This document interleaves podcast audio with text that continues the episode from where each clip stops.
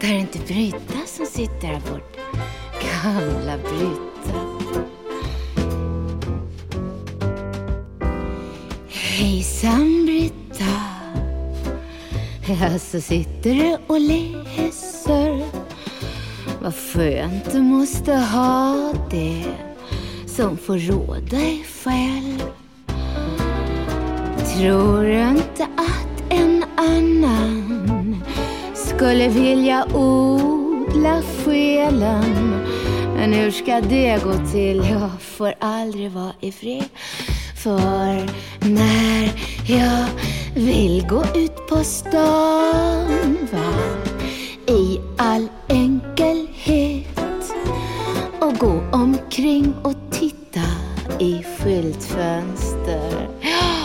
Vet ja, då blir man bara störd va? Av killar som visslar och ropar hejsan snyggis. Och visslar och visslar. Jag kan aldrig gå där ensam för mig själv. Men det kan du. Hejsan Britta. Jaha, du sitter där och läser du. Tänker väl på allt du lär dig när du sitter där på din feta bak. Alltså tror du inte att en annan också skulle vilja slippa jobba med figuren och håret, utseendet och så.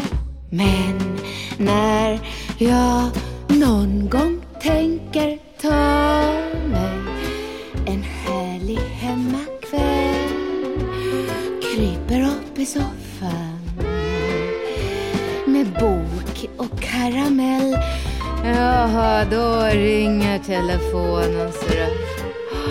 Och ringer och ringer. Ja, det är killar då va, som vill ha kontakt med mig, förstår alltså.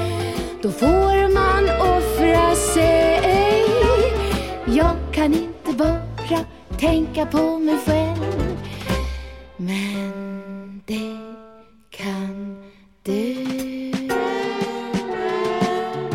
Hejsan Britta. Nej, men ryck upp dig. Tycker du ska vara glad. Ja. Jag menar utseendet är inte allt. Du var bäst i klassen. Det har jag inte glömt.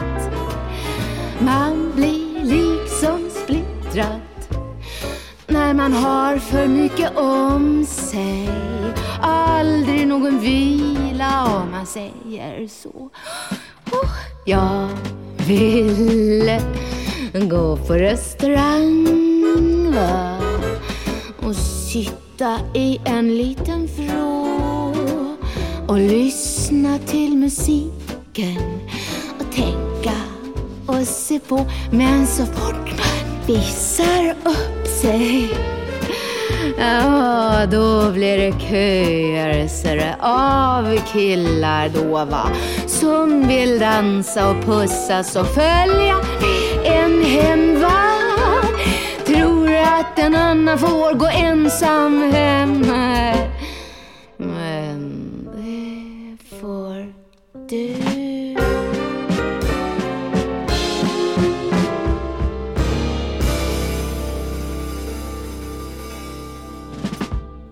Idag är det ju faktiskt så att vi ska prata om en av de sju dödssynderna.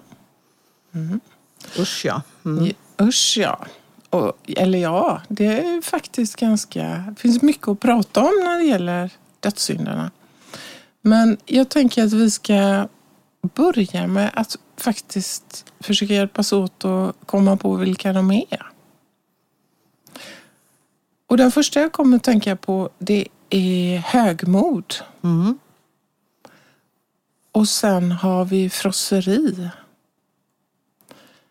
Sen har vi vrede. Hur många har jag nu? Tre. Tre. Sen har du lättja eller Lätt- likgiltighet. Kanske Ja. det är också samma. Då har vi fyra. Mm. Sen har vi Girighet. Girighet, ja. Och sen har vi avund. Har vi alla nu då? Tror det va? Nej, det är någon som fattar. Otukt. Ja, just det. Eller som man kallar lust ibland också. Ja, det är olika lust. definitioner. Just det. Mm. Där har vi dem. Och vi ska ju faktiskt ägna oss åt avund idag. Och kanske att det är den mest skamliga av eh, de sju dödssynderna. Och varför det så har ju vi lite tankar om och funderingar kring. Annika Koster och Lena Lundqvist är socionomer och legitimerade psykoterapeuter. De är verksamma vid Göteborgs psykoterapiinstitut. De pratar på om psykoanalytiskt tänkande och psykoterapi. Och, eh, men vet du varför de kallas för dödssynder? Nej. Jo, därför att enligt den katolska kyrkan så var det så att de synderna kunde man aldrig liksom förlåtas för. Okej, man kunde inte gå och bikta sig då? Nej, man kunde liksom inte bikta bort det om man säger. Va? Utan de, var, de stod för sig själva, de synderna. Och de fick man leva med. Och någonstans när vi börjar nu prata om avund så tänker jag att vi tar vår avstamp i en av våra favoritteoretiker, Mhm. Melanie Klein. Mhm. Mm. Och hon hävdar ju att eh, vi alla bär avund. Att vi föds med avund egentligen. Alltså. Ja, och att det finns i vår konstitution. Eh, och vi kommer ju egentligen att ta, också prata om det. Hon skrev nämligen en artikel som på många olika sätt var väldigt kontroversiell. Som kom 1955. Som hette Avund och tacksamhet. Och det innebär att vi kommer också att prata om tacksamhet i relation till avund. Och den liksom eh, förhållandet mellan avund Ja, och för, för tacksamhet. tacksamhet är ju ett uttryck för kärlek och Ja. det är ju det som möjligen som kan mildra avunden. Ja. Men när jag säger Melanie Klein, vad tänker du då? Melanie Klein, ja, hon är ju efterföljare till Freud och eh, ja, 20-30 år yngre tror jag hon är. Men de levde ju samtidigt. Och hon ville ju väldigt gärna att Freud skulle gilla det hon skrev, men han var ju aldrig intresserad. Och det kan man ju fundera över vad det handlar om. Eh, och hon hade ju ett väldigt dramatiskt liv mm, jämfört med Freud som hade ett mer tryggt liv. Men eh, ja, det finns mycket att säga om henne. Ska vi prata lite om hennes... Ja, alltså jag och- och- tänker vi pratar, vi nämner ju hennes namn Ja, och vi nämner ja. Winnicott Ja. och vi pratar ofta om det. Men eh, vem, ja lite grann, vem, Mm. vem var hon? Ja, för hon är väl också egentligen den första kvinnan, kvinnliga teoretikern. Ja, vi har haft med Joyce McDowell, men hon är långt senare som vi har pratat om. Och eh, hon hade ju ett väldigt sorgligt liv, eller hur?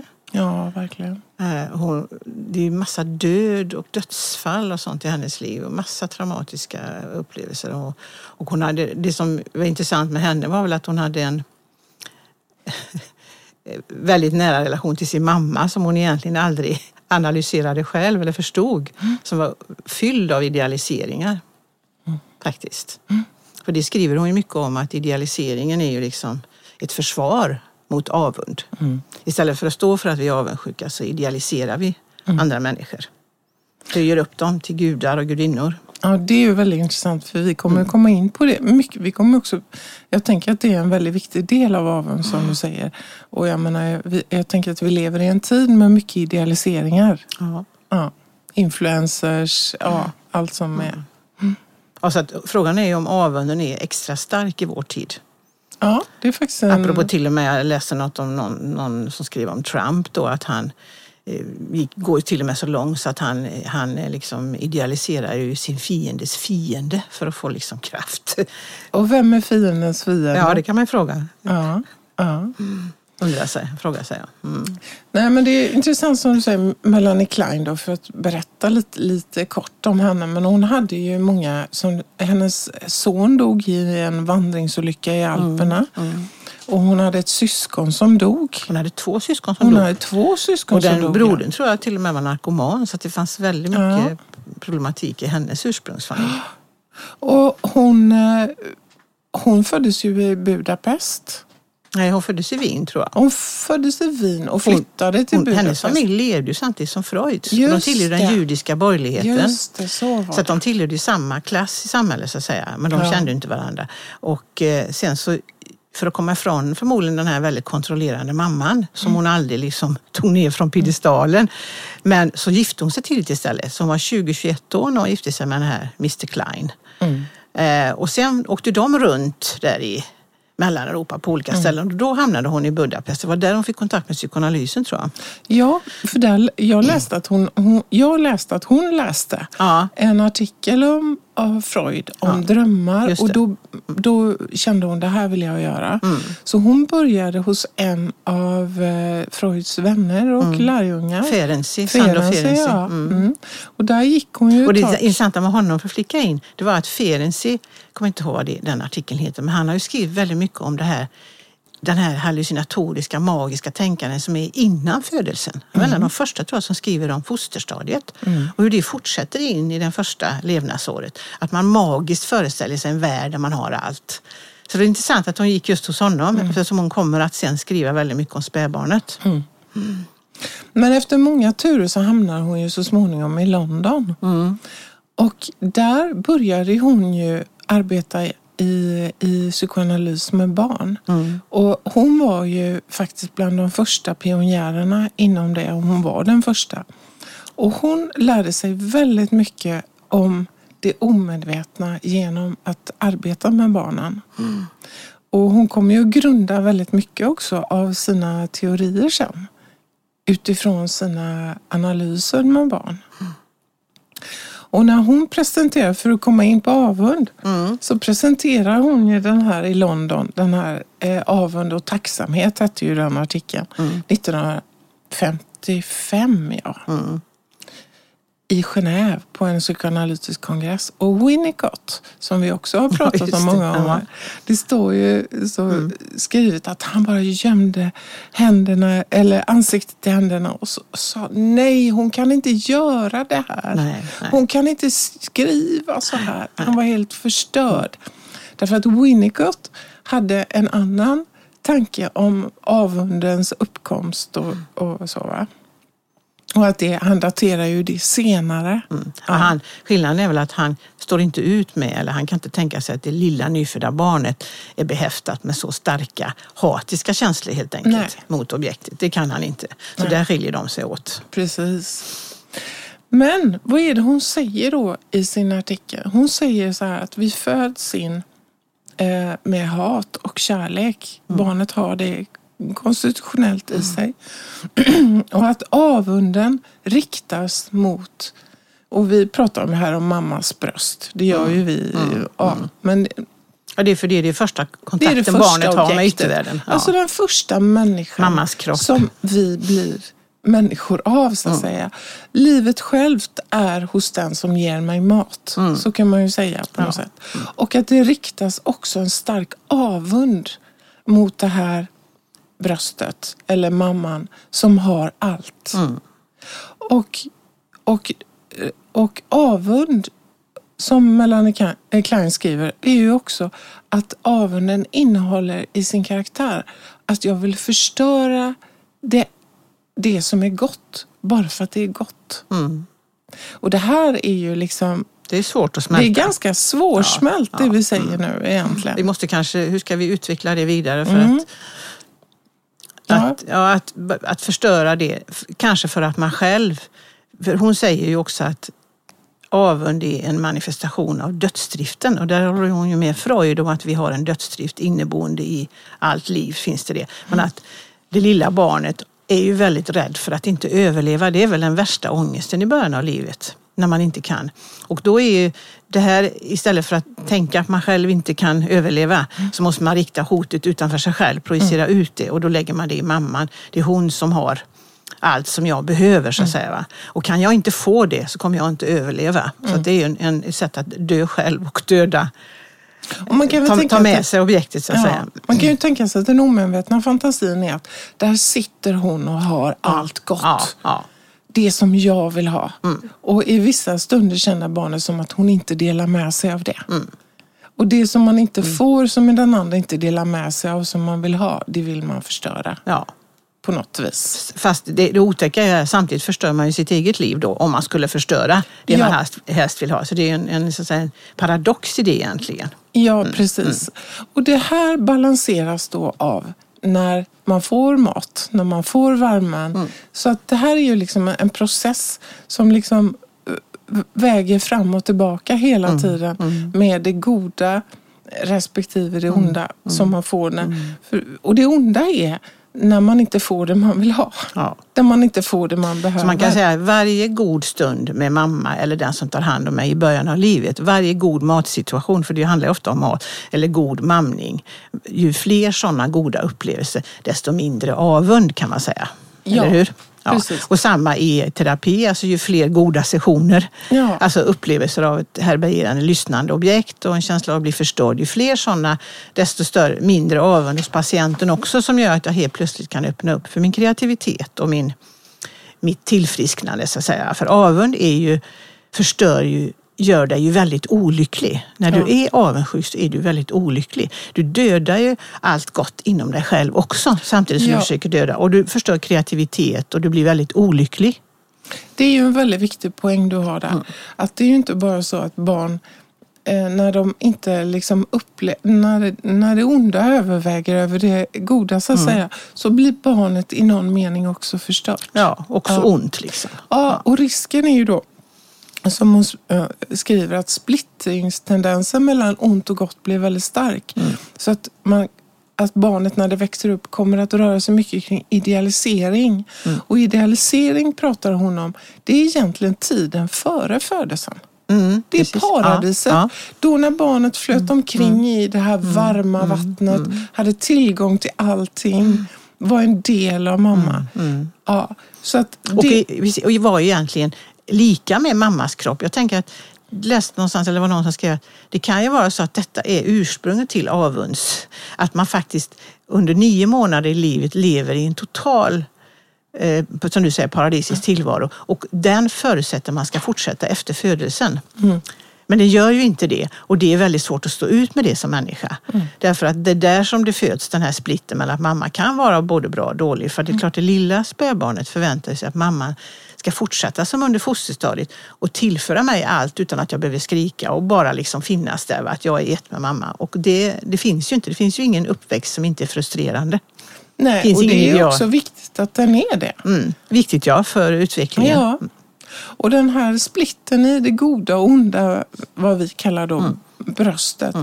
Så småningom, som vi också har varit inne på i andra poddavsnitt, så, så småningom så erfar ju barnet att det där, det som jag har splittat mamma i eller bröstet i ett gott och ont, det är tydligen ett och samma. Ja. Ja, och då infinner sig också den här känslan av tacksamhet. Jag vill inte skada, jag vill inte förstöra. För det, det är bröst som ger mig det jag behöver. Det är också det som jag liksom äter sådär girigt av och är på och hackar. Liksom.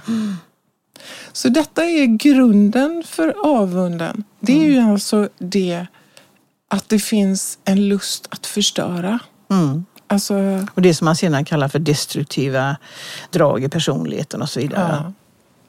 Avund är den hetska känslan att någon annan äger och gläds åt något åtråvärt. Den avundsjuka impulsen att ta bort eller förstöra det. Avunden är dessutom förknippad med subjektets relation till en enda person och går tillbaka till den tidigaste, allt annat uteslutande relationen till modern. Svartsjuka grundar sig på avund, men berör åtminstone två andra människor. Den rör sig huvudsakligen om den kärlek som subjektet anser sig ha rätt till, men som berövats honom. Eller som kan komma att berövas honom av hans rival. Den allmänna uppfattningen om svartsjuka innebär att en man eller en kvinna känner att någon annan har berövat honom eller henne den älskade personen. Ur avund och tacksamhet av Melanie Klein.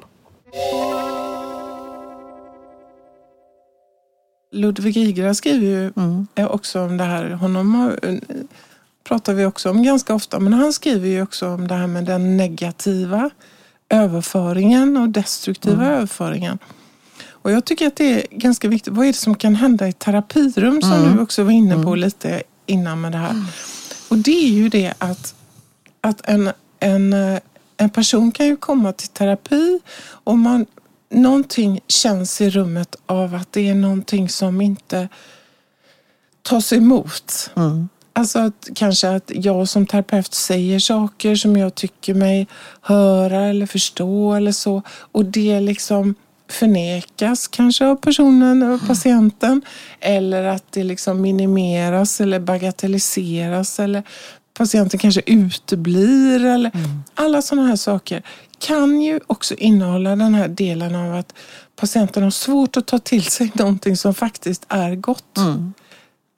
Utan vill förstöra själva, s- som du också var inne på, själva terapin. Och det här är ju viktigt att identifiera när det är rummet och det är sannerligen inte det enklaste. För det kan ju också handla om oss. Aha, vi är inte tillräckligt bra. Att vi inte förstår. Det kan, alltså, en sån självrannsakan äg, måste ju äga rum. Är det jag som inte förstår någonting här vad som pågår? Igra skriver också intressant, någonstans läste jag om intrapsykisk avund, tror jag han, han kallar det för. Det kan man ofta ibland avläsa om det har varit en väldigt bra session som man känner att man känner kanske att patienten har börjat ta till sig någonting och, och lite mer eh, kanske positiv livshållning och mer arbete. Och sen nästa gång så är det precis tvärtom. Ja. Och då menar han att det inte bara mot oss som terapeuter som patienten vänder sig utan det är inom sig själv. Det börjar, det börjar liksom upptäckas att det finns något gott att få. Ja. Och jag börjar känna att jag vill ha det och jag vill ta till mig det. Och då blir jag rädd förmodligen eftersom min ursprungserfarenhet är dålig. Kanske. Ja. Och då måste jag döda det inom mig. Genom avund eller liksom på något sätt genom hat. Ta bort det. Va?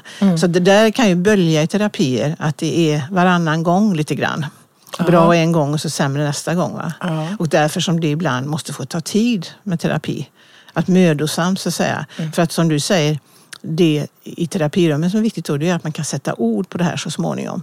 Den negativa överföringen. Att man faktiskt har de här känslorna mot terapeuten. Man kanske nedvärderar terapeuten eller ibland idealiserar man. Det är också en form av avund att idealisera terapeuten. Både och liksom.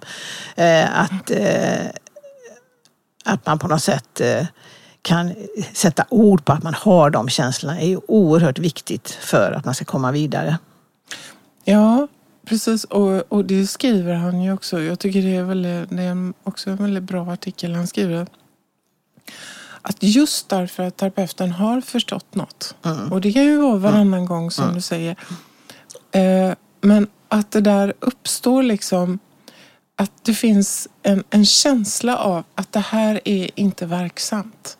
Här finns en kraft som mot, verkar åt ett annat håll. Om man nu tänker sig då att allting ska gå i stå eller...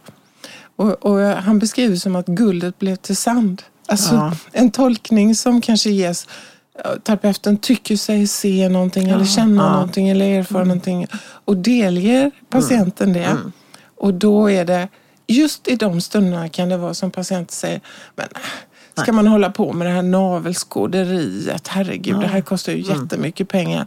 Jag tänker kanske att nej, ja, ska man inte bara leva livet istället? Eller så. Så, det är väl, så negativ överföring är väl egentligen väldigt viktig att, så att säga, eh, förstå. För det är många gånger orsaken till att patienter slutar i terapi om inte man kan lyfta upp det och förstå det.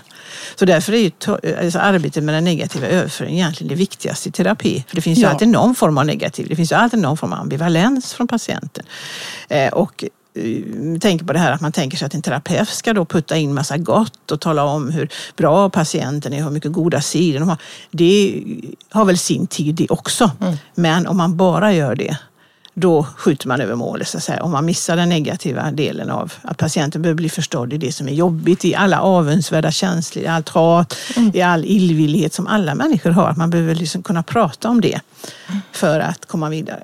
Ja, och, och, och Iga han skriver till och med att det är faktiskt det finns tekniker ju, och det vet ju vi. Det finns metoder idag, terapimetoder. Ja. Och här måste vi faktiskt säga det vi måste säga, Lena. Ja, ja. Att i vissa fall så är det totalt ofruktbart. Det det. Så länge man inte rör de här skikten som, som vi pratar om nu. Och dessutom så kan det vara så att det sker en, en tillfällig förbättring för man får massa positiva, ja men du kan du kanske kan redskap, pröva att liksom ta hand om dig själv lite mer eller ge dig själv lite mer pauser i tillvaron eller, o- eller så. Va? Medan man inte vidrör de här skikten i personen. Nej. Vilket gör att det faktiskt i någon mån är rent lur. Eftersom det inte kommer att hjälpa på längre sikt. Och det går liksom inte att tänka bort avund. Nej. Nu ska jag vara god, nu ska jag inte missunna någonting, nu ska jag verkligen... Utan det är nog viktigare att man erkänner den inför sig själv först.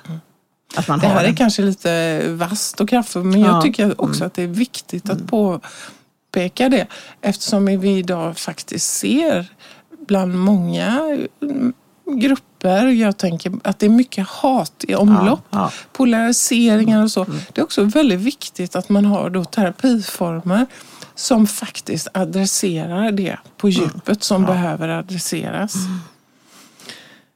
Ja, så, för han, han skriver väldigt mycket om att man kan få liksom stöd, stöd av liksom, som en, en liksom, lite lätt korsett av att tänka lite positivt eller tänka lite framåt eller så.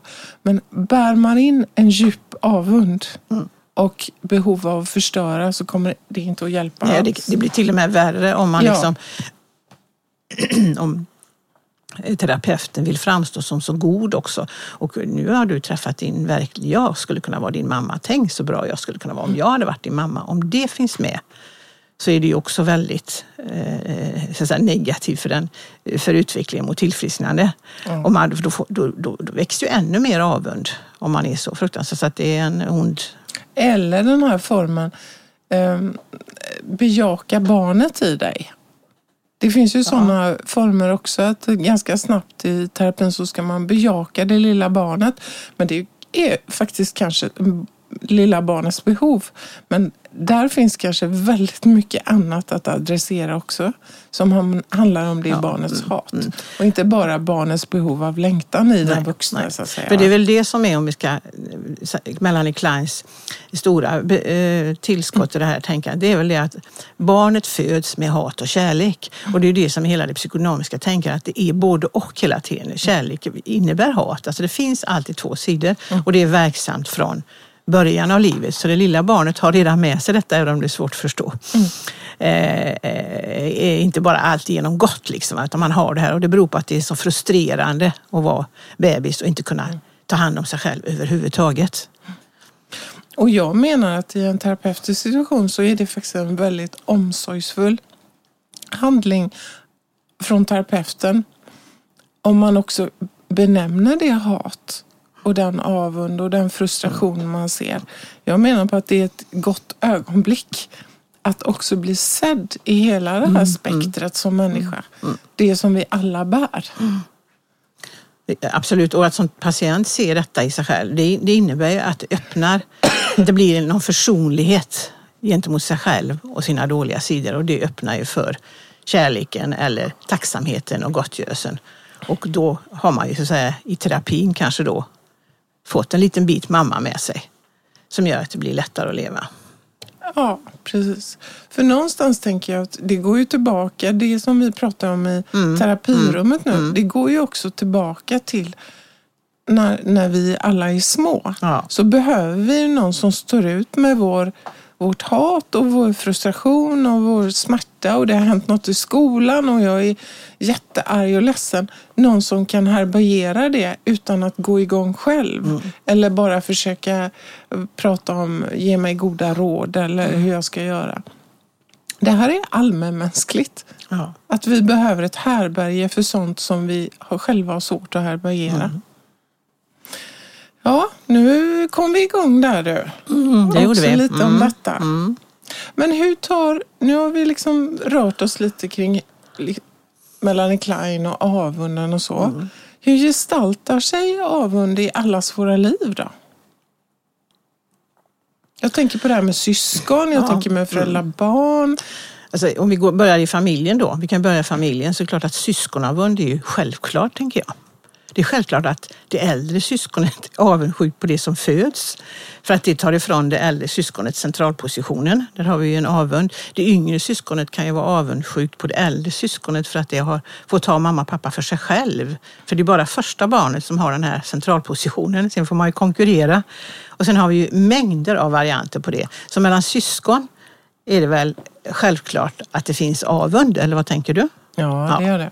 Alltid. Eh, Och frågan är ju då hur familjen som helhet liksom kan, och föräldrarna kan härbärgera det och ta det som självklart eller om man fördömer eh, du ska inte vara avundsjuk på din bror eller du ska inte vara... I vilken mån kan liksom föräldern hantera att det är så? Det är ju inte helt lätt. Vi är alla bara människor och det är svårt och det har ju i sin tur att göra med vilken position jag själv hade i min egen ursprungsfamilj som förälder då. Var jag första barn och var jag sista barn och var jag mellanbarn och vilken position hade jag?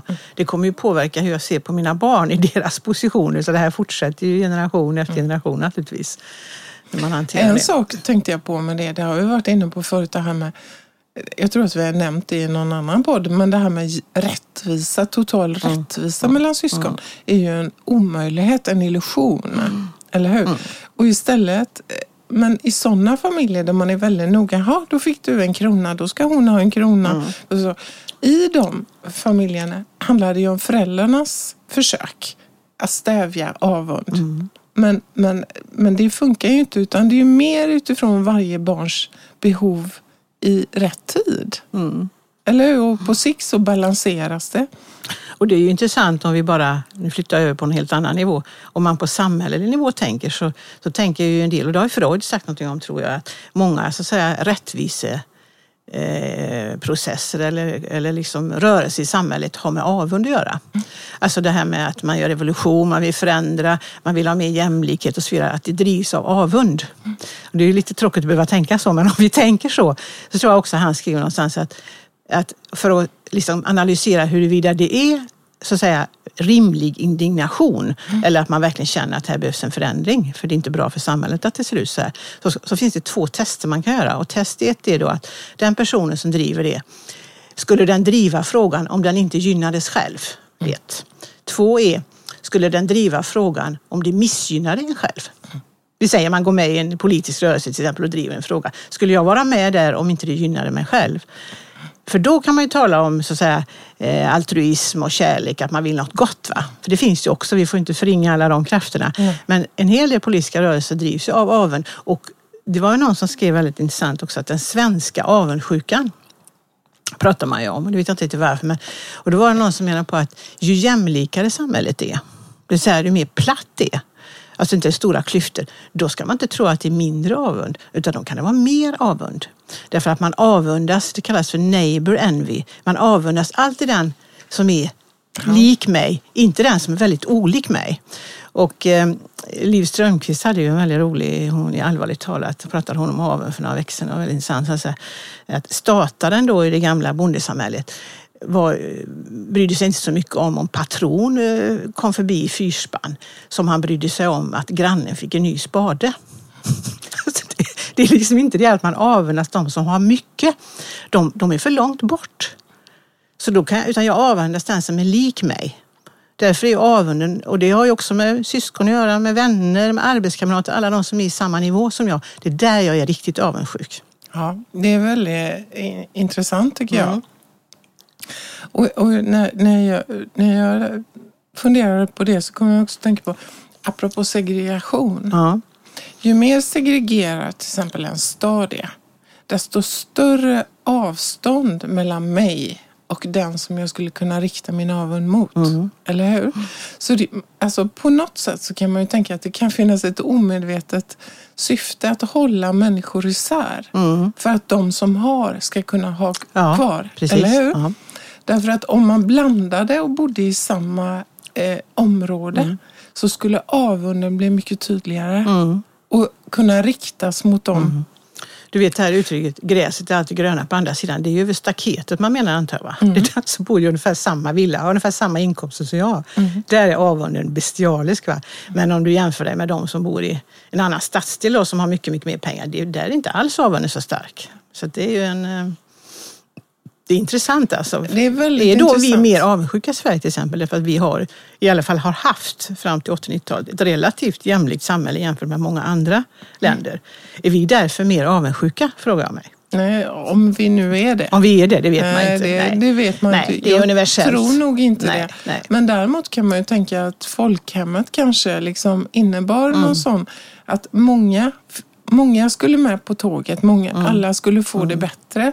Och att det i sig ökar på den här du säger neighborhood, neighborhood envy. Mm. Att man jämför sig med dem.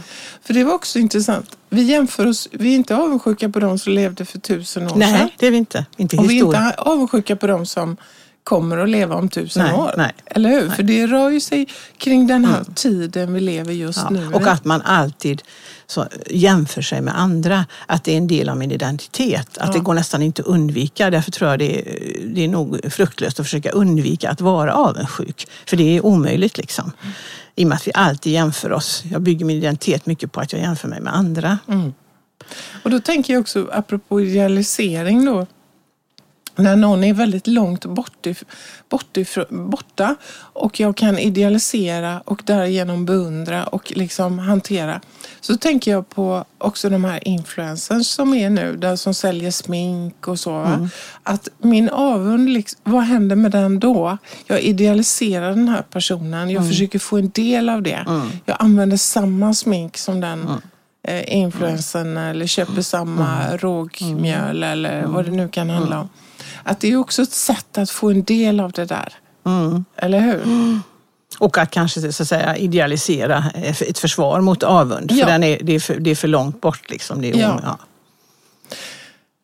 Ja. Men där är ju, alltså, sociala medier är också en... Alltså det, jag läste någon undersökning nu i Tyskland man hade gjort som hette Envy on Facebook eller något sånt där. Att man hade då, jag vet inte hur pass tillförlitlig den var, men en av tre utav dem som är inne mår ju dåligt. Alltså en tredjedel mår dåligt på alla andras lyckliga liv så att säga. Ja.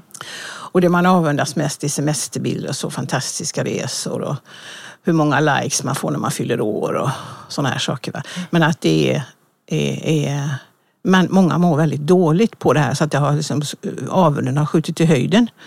Ja, Därför att man ser naturligtvis mest de som är liken själva. Man, har ju vän, man är vän med de som är i ungefär samma situation som en själv. Så där florerar ju avunden naturligtvis jättemycket. Och så beskrev de att man kunde också hamna i en sån här ond spiral. Då, att för att liksom stävja det här så la man själv ut en bild på någon då, sann eller förljugen spelar ingen roll, bild av ett lyckligt liv och så blir det en ond spiral, det blir lyckligare, lyckligare, lyckligare. Alltså det blir mer och mer från verkligheten så att säga.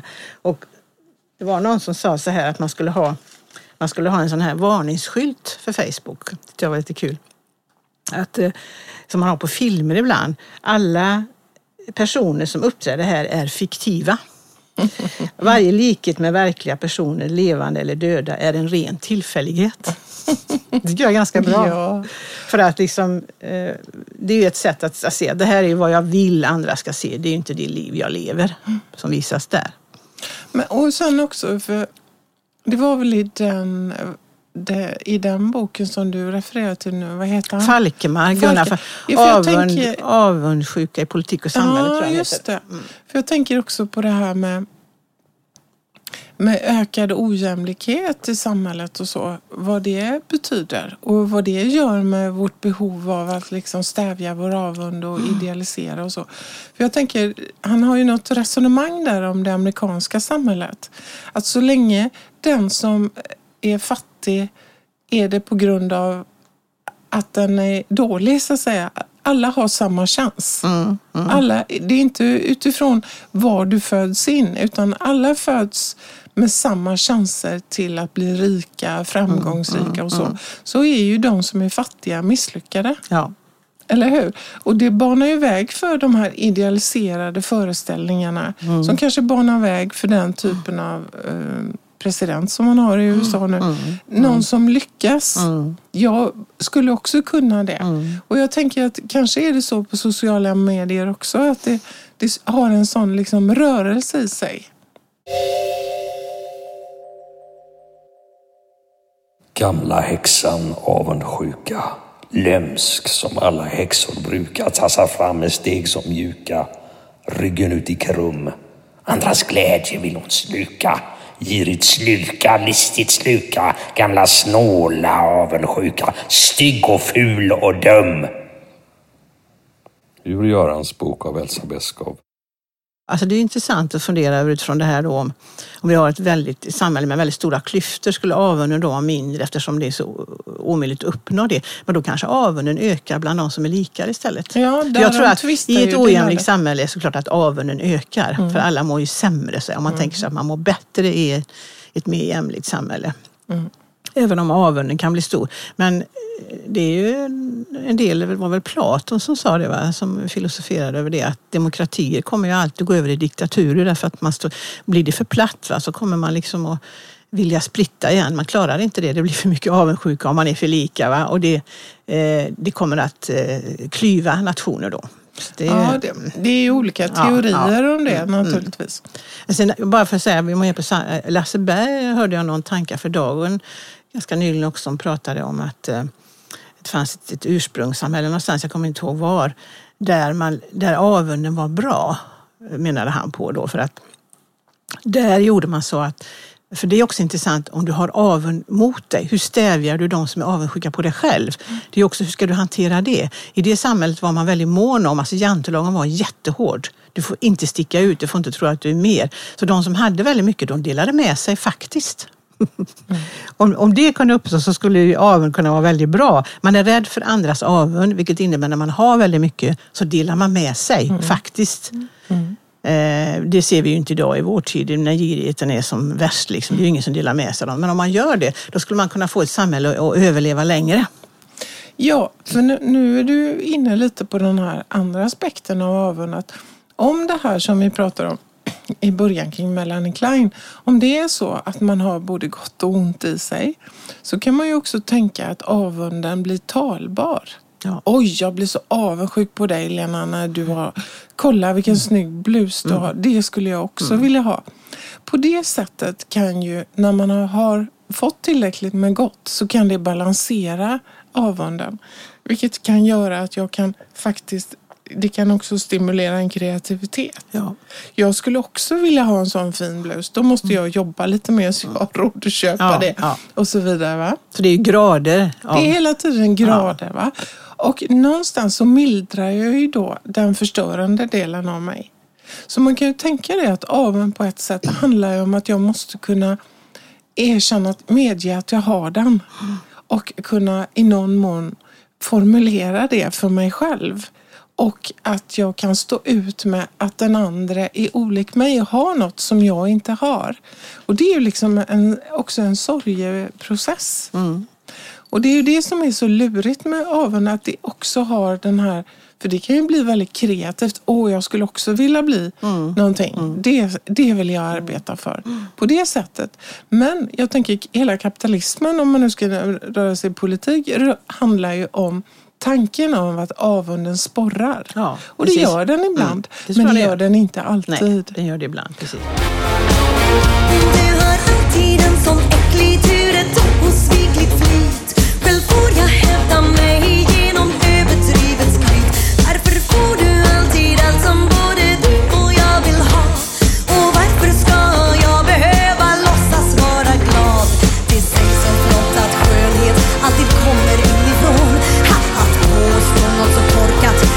Ja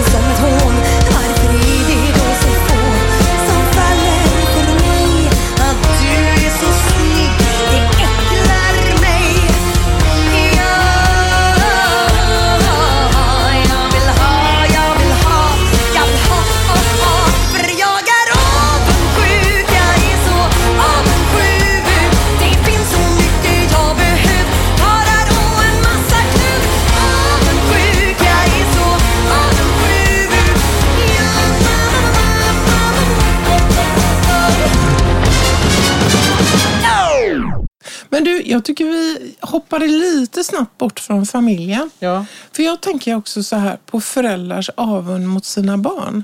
För att de bär framtiden i sig. Och det här, vi har varit inne på ungdomar. Vi har ju pratat om ungdomsterapi och ungdomstiden. Och en faktor där har vi ju haft uppe det här föräldrars avund mot att, att ungdomarna har hela livet framför sig. Ja. Och ibland föräldrars, att det är svårt för föräldrar att hantera att mitt barn har det. Och kanske får ett bättre liv än jag. Och kanske får ett bättre liv än jag. Och hur det kan ta sig olika liksom, destruktiva uttryck. Att jag själv blir tonåring och försöker vara tonåring jämsides med mitt barn. Eller vi ska bara vara kompisar. Att jag försöker negligera generationsskillnaderna. Men jag tänker det här att, att och jag kanske också, jag tänker med det här mm, omdiskuterade i och för sig begreppet Münchhausen by proxy. Där man ibland, en förälder som har liksom en sjukdom inne i sig. Det behöver inte vara en fysisk sjukdom utan jag pratar om en psykisk ohälsa. Ibland också tänker att barnet är sjukt. Därför att det kan vara svårt att stå ut med den avundsamma tanken att mitt barn är friskt. Fast jag känner mig sjuk. Där är ju alla olikheter är ju livsfarliga. Ja, då. Då alla är- olikheter. Om du är mitt barn så måste du vara som jag. Mm. Eller hur? Så att det är ju också en avundsyttring mellan föräldrar och barn. Mm. Är det några andra som du tänker Vi på? tänker på hur det är i partner, alltså i, i äktenskap och i relationer. Då, då är man också, kan man ju också vara avundsjuk på varandra där, eller? Det är också ganska svårt att tala om. Mycket kring avund är väldigt tyst kring. Det är svårt att tala om. Ja. Det bara försiggår liksom. Mm. Ja, händer, vad händer när två blir tre till exempel? Mm. När ett barn föds in i en familj och det har, paret har haft Mm. liksom en kärlek, stark kärlek och förälskelse och så kommer barnet in som Mm. en tredje part.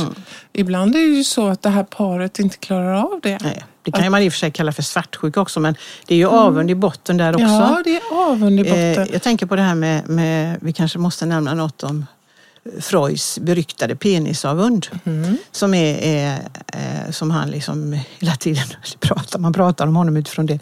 Han pratade ju i princip bara om pojkens uppväxt. Va? Men jag tänker mig så här att det är klart att flickan, om den lilla flickan ser pojken med snoppen så klart hon tänker en sån har inte jag. Det kan naturligtvis väcka en avund. Det finns något som jag inte har. Eh, men självklart är det så att ah, båda könen är av, avundsjuka på varandras egenskaper. Och det skriver Melanie Klein väldigt fint om det här att, att kunna ge, att bära liv och ge liv. Det kanske är den mest avundsvärda egenskapen egentligen. Det är faktiskt kvinnan som har det. Därför att det är ju det mest kreativa du kan göra. Att skapa liv. Och där är avunden som starkast. Och där kallar vi ju livmodersavund. Ja, och, ja, precis. Ja. och bröstet också är ju mannen avundsjuk på naturligtvis som kan ge mat och så vidare. Va? Så att här, eh, där får vi nog lägga Freud på hyllan och konstatera att av, båda könen är avundsjuka på varandra för de kvaliteter man har i den olikhet man har. Så att säga? Och det kan ju också visa sig i syskonavund naturligtvis och i, i ett förhållande. Ja. Att man är avundsjuk på, vi lever i ett patriarkat fortfarande. Det är klart att man kan vara avundsjuk på mannens, att han alltid kommer före, att hans röst hörs mest på fester och så vidare.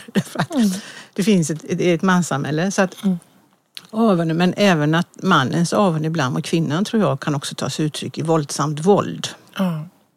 Och sen kan det ju faktiskt, jag menar, om vi kan gå från den lilla familjen ut till organisationer och arbetsplatser så kan ju avund också vara en, en, en stark kraft som åker runt.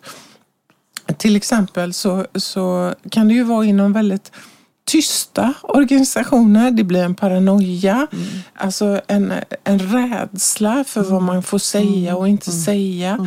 Därför att det finns avund som åker runt, kanske från en chef, kanske från kollegor. Eller hur? Det här liksom som inte går att ta på men som faktiskt kan förgifta en arbetssituation. Ja. Och det, det är ju intressant det här med förgiftning för man kopplar ju ofta avund till grön galla. Mm, Eller hur? Att bli förgiftad med avund. Och, och, så kan ju även organisationer hamna i. Att det finns en chef som inte tål att medarbetarna kan mer eller vice versa. Eller det kan vara ett behov av att hålla ner gruppen så den inte ska bli för duktig. Eller, ja, det finns Eller alla, Putin kanske när han förgiftar sina Ja, det, de opponenter. facto på riktigt förgiftar. Ja, på riktigt förgiftar. Ja. Men, men eh, avunden då, hur är den då? Alltså det finns ju den här missunnsamma Mm. avunden. Eller hur? Och eh, sen finns det den här lite mer obsessiva som Marta Kullberg Weston Mm, pratar om. Den här, att man blir helt upptagen av en person. Och det är en den ide- har. idealisering egentligen. Ja, och eh, kan inte liksom komma förbi. Mm. "Åh, Han har köpt en ny bil. Jag vill också ha en ny bil. Mm. Jag kommer aldrig få råd att köpa en ny bil. Och helt liksom fast i det. Och sen pratar hon om någon slags depressiv avund. Det är kört för mig. Ja, precis. Jag kommer aldrig att få det andra har. Eh, Lite mer liksom... Och det, det är ju något slags försvar. Istället för att prata om att man är så blir det ett försvar. Idealisering är ju en och det här jag är dålig. Men också att man pratar skit om den som man är avundsjuk på. Det är ju nedvärdering Ja. av den andra eller nedvärdering av dig själv. Det är ju vanliga fenomen faktiskt. Eller det här när någon lyckönskar någon. Åh, vad trevligt att ni har lyckats med det. Mm, men jag tycker ni skulle... Så kommer det en liten passus på slutet. en liten kritik. Det är ofta tecken också hur avunden visar sitt tryne liksom lite grann. Det här är också, bara för att citera Liv Strömquist igen som är väldigt rolig i det här inslaget Allvarligt talat. Hon sa, hur ska man då komma ifrån det här? Eh, och eh, då så har hon ju en tanke om att man måste, man måste sätta ord på det. För man säger så här när man är hemma hos någon att nu måste jag, kan jag få låna er toalett? Jag måste nog in och pusta lite. Eller jag känner att jag får sån huvudvärk för att och under tiden så kan inte ni ta bort er fantastiska son från huset här som är så lyckad och som är så fantastiskt duktig som inte min son är. Alltså, det skulle ju på skoj då va. Men att man på något sätt kommer aldrig, man kommer aldrig ifrån detta om man inte talar om det och då kan, kommer man inte ifrån det heller för då blir man väl ovän med det här folket. Men ändå, liksom, det var ganska roligt tyckte jag att man måste säga, kunna säga det till sig själv i alla fall. Jag mår inte bra här nu därför att jag står inte ut med att de har så fantastiska Nej. barn eller jag står inte ut med att de har så fantastiskt hus och, och, och verkar vara så lyckliga.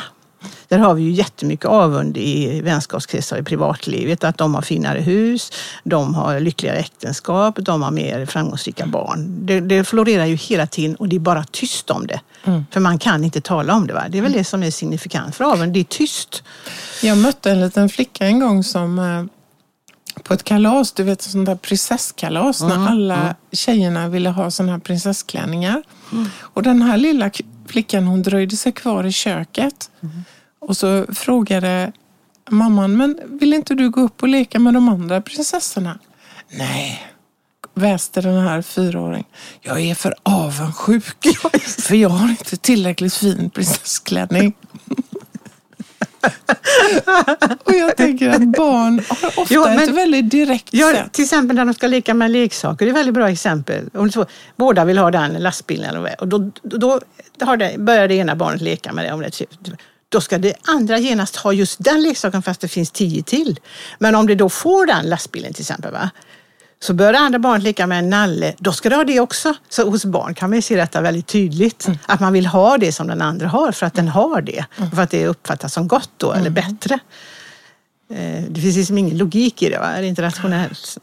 Och jag tänker alltså, det, det är ju... Det här tar ju sig uttryck i samhället hela tiden. Jag tänker till exempel på de här ungdomsrånen som vi har hört talas om det sista.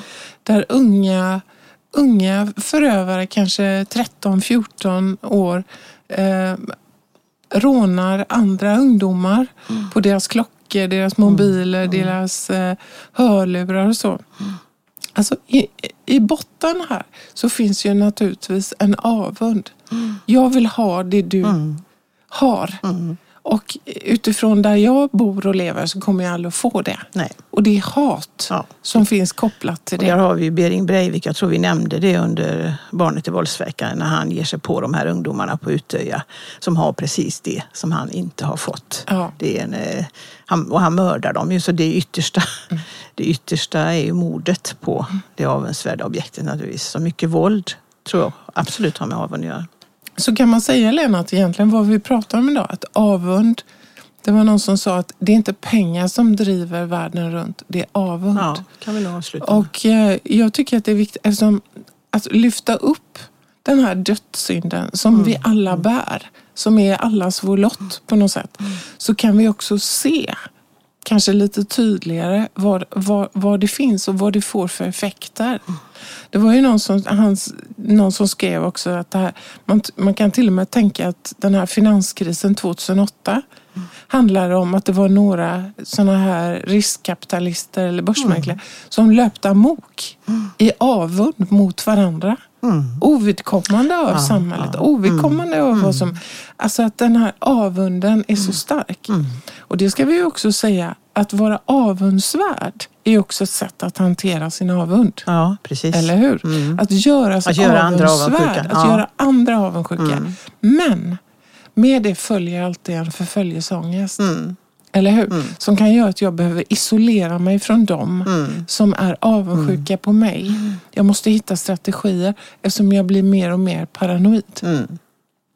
Eftersom jag förstår någonstans att när jag har tillskansat mig någonting, jag tänker här också, allt det här att dela ut pengar eh, i allmosor eller eh, eh, ja, Ja. handlar om ett sätt att göra sig av med den skulden.